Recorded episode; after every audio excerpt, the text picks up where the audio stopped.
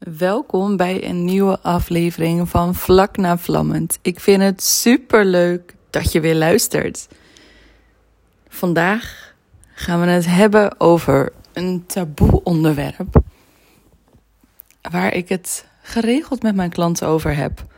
Want pleasure en masturbatie in je relatie, mag dat? En doe je dat? En als je dat dan doet, doe je dat dan stiekem, verborgen, in stilte? Of zeg jij tegen je partner: Lief, ik ben even boven. Ik ga even mezelf plezieren.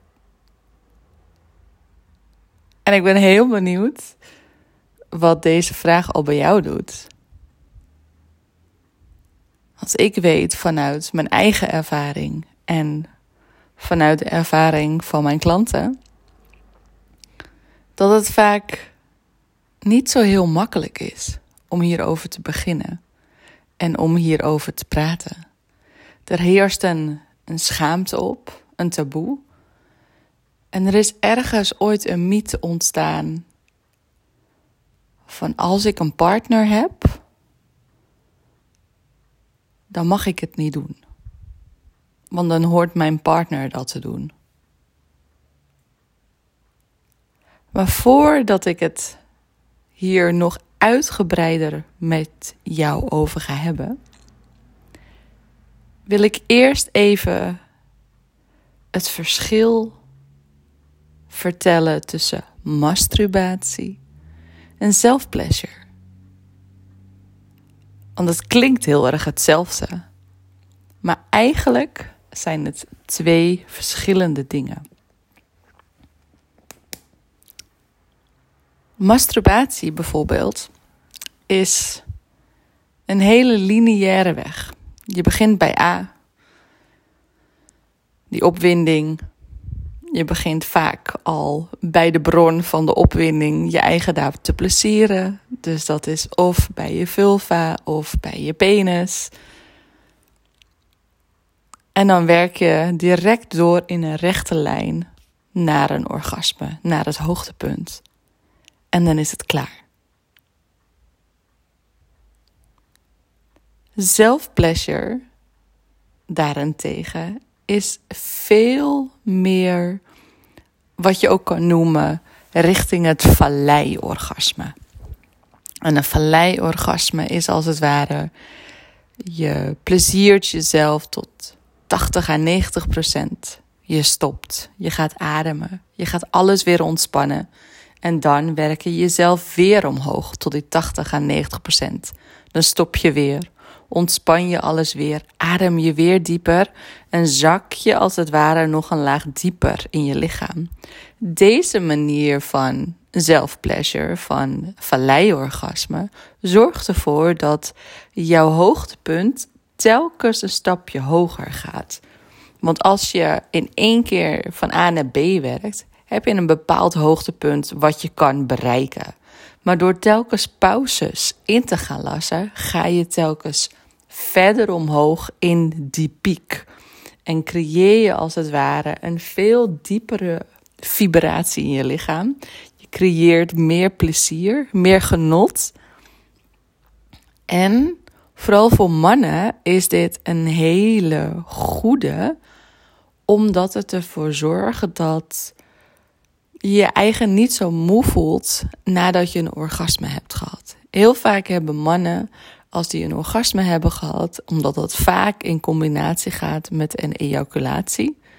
En dan zal je nu misschien wel denken van, maar een orgasme en een ejaculatie is toch precies hetzelfde? Nee, lief schat, dat zijn twee verschillende dingen. Een man heeft dat uh, aan elkaar gekoppeld op het moment dat hij ging ejaculeren als klein jongetje toen. En vandaar dat hij dat toen op een gegeven moment is gaan samenzien. Maar je kan als man, kan je dus weer leren om het orgasme en de ejaculatie te gaan scheiden. Maar wat er dus gebeurt als een man ejaculeert, verliest hij als het ware een heleboel energie. En daardoor voelt een man zich vaak na een orgasme ook super moe, valt in slaap. En als ik vanuit mezelf kijk en vanuit de klanten waarmee ik werk kijk, hebben de vrouwen daarnaast zoiets van: Nou, ik kan wel uh, lekker aan de slag gaan en ik voel wel genoeg energie. En dat is bij een man toch anders. En dat komt inderdaad door die ejaculatie. En vandaar dat dat valleiorgasme een stuk beter is. Want daardoor kan hij de energie in zijn lichaam opbouwen. Telkens een stapje, een stapje hoger. Daardoor circuleert die energie. En verlies je aan het eind na je orgasme veel minder. Dan is er ook nog iets anders dan direct richting de bron te gaan. Want heel vaak is het met masturbatie, zoals ik net zei, dat je direct richting je vulva of richting je penis gaat. Je doet daar de job en dat is vaak heel hard trekken of heel hard rubben en telkens harder en harder en harder. Maar zelfpleasure is veel meer genot ervaren in het moment zonder doel. En vaak begint dat zelfpleasure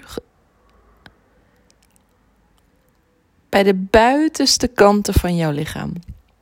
Dus je begint met streling, aanraking, stevig vastpakken van je voeten, van je tenen. En je werkt langzaam omhoog richting je enkels, je kuiten, je knieën.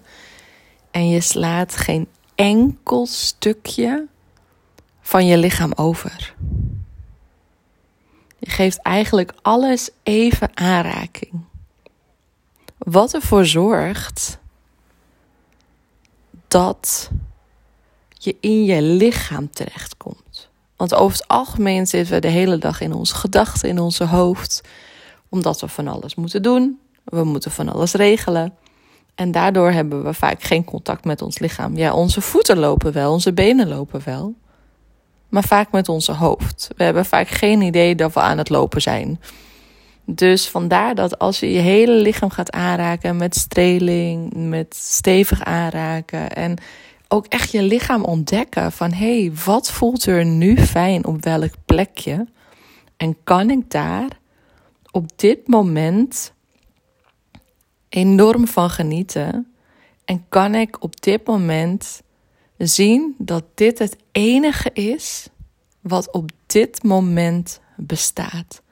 Op dit moment bestaat er niets anders dan dat ik genot ervaar door streling van de zijkant van mijn lichaam. Om maar even een voorbeeld te noemen. En doordat je zo in het moment bent, kan je verzachten, kan je ontspannen.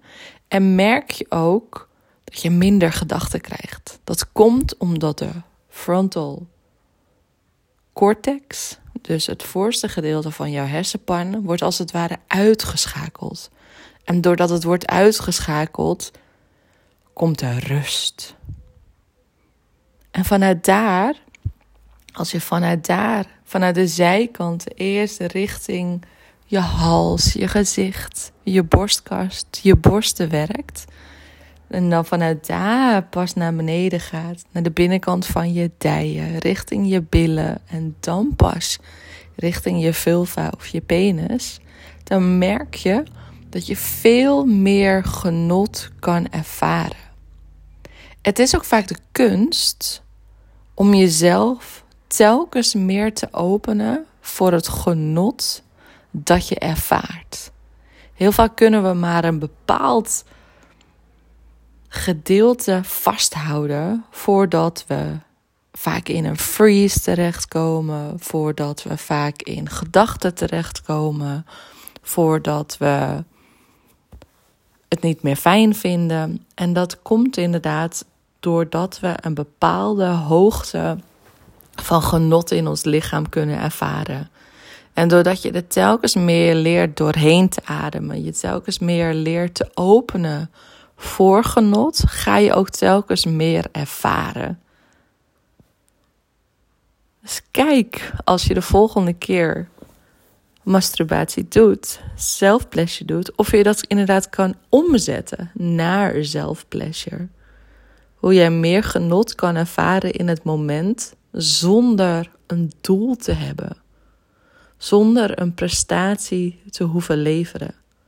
Want doordat je die prestatie leveren weghaalt, ga je merken dat je veel meer plezier gaat ervaren. En dat het genot of het hoogtepunt, waar ook heel veel vrouwen moeite mee hebben, 30%, 30 à 40% van de vrouwen heeft bijvoorbeeld nog nooit een orgasme gehad. En dit aantal is echt heel erg hoog. En vaak is dit doordat er een enorme druk ligt op de prestatie. Ik moet het goed doen. Ik moet nat zijn. Ik moet iets bereiken. En door die prestatie helemaal weg te houden en helemaal te mogen zakken in wat er op dit moment is en hiervan echt te genieten, heb je veel eerder kans dat je spontaan een orgasme krijgt. En als je nou denkt van, Lee, hé, hey, dat herken ik. En hiervan wil ik graag leren.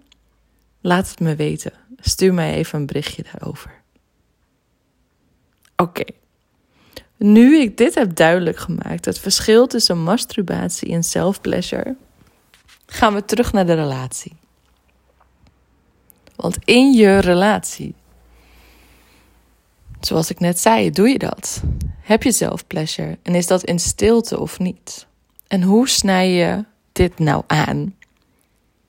Ik denk dat de aansnijding van dit onderwerp, dat je nu een heel goed um, ja, excuus, of nee, het is geen excuus, een heel goede aanleiding hebt. Doordat je zegt van, hé, hey, ik heb net een podcast geluisterd van Lee.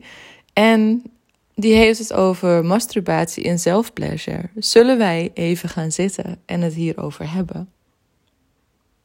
Want ik vind het namelijk de grootste onzin als je zegt: Ik heb nu een partner, dus ik raak mezelf niet meer aan.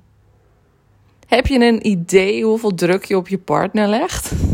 Omdat hij of zij dit altijd maar moet regelen? Want niet iedereen heeft er altijd zin in. En niet iedereen heeft altijd zin als jij bijvoorbeeld zin hebt. En als je partner dan niet wil, wat dan?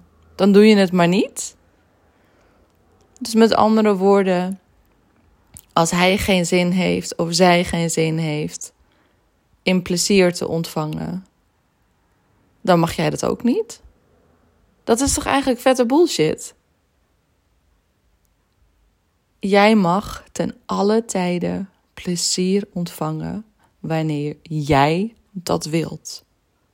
Of je in een relatie zit of niet. En ik vind het heel belangrijk dat stellen hierover praten.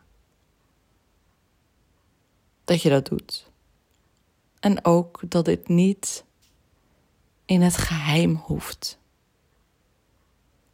Want als jouw partner plezier wilt ontvangen en jij op dat moment zoiets zegt van jongen of meid, ik zit op dit moment echt helemaal vol, daar heb ik echt geen ruimte voor. Dan is het heel belangrijk je partner die ruimte wel te geven. Want het is haar of zijn lichaam. En niet die van jou. En op dat moment is het ook absoluut geen afwijzing.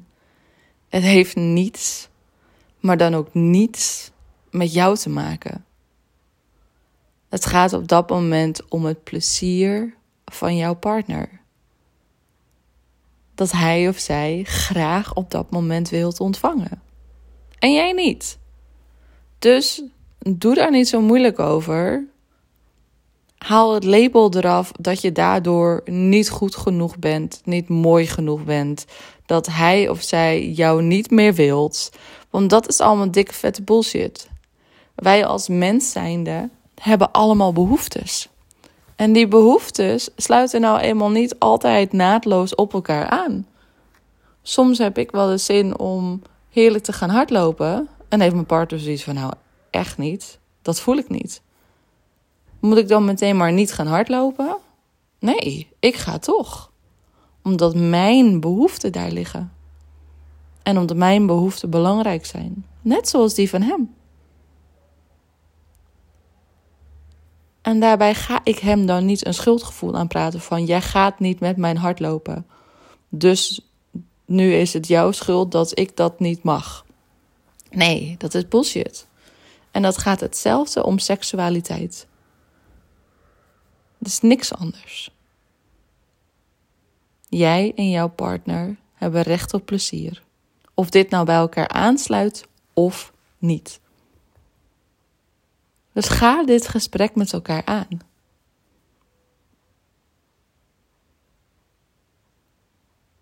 En kijk ook wat voor gedachten er op dat moment bij jou naar boven komen als je dit gesprek aangaat. Want het is een belangrijke. Want ik weet dat heel veel mannen het stiekem in de douche doen. Terwijl, hoeveel fijner is het als jouw partner zegt van... hé hey joh, ik ga even lekker douchen. En uh, wie weet uh, ga ik ook even lekker met mezelf aan de slag.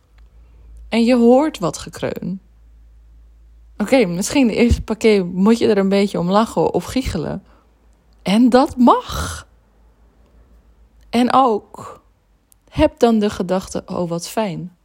Mijn partner heeft plezier met zichzelf.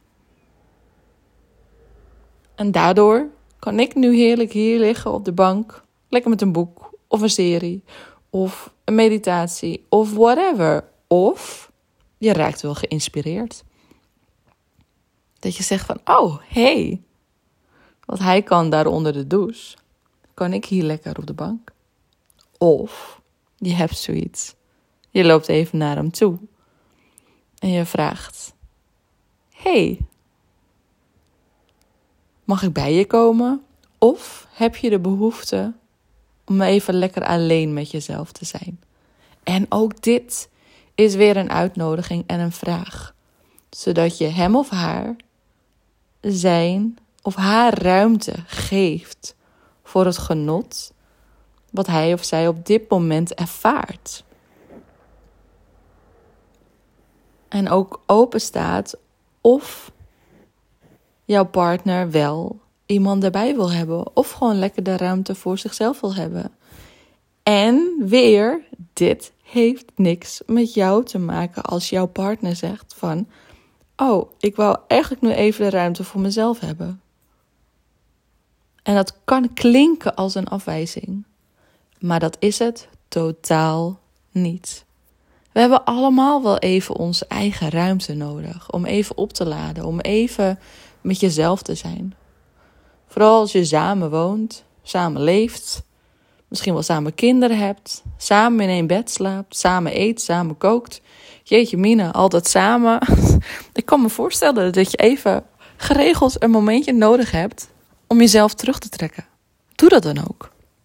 Neem die ruimte voor jezelf. Want het is belangrijk om op te laden, om te herstellen en goed voor jezelf te zorgen. Dus neem dat moment van zelfplezier. Ik wens je een hele fijne dag en een hele dikke knuffel.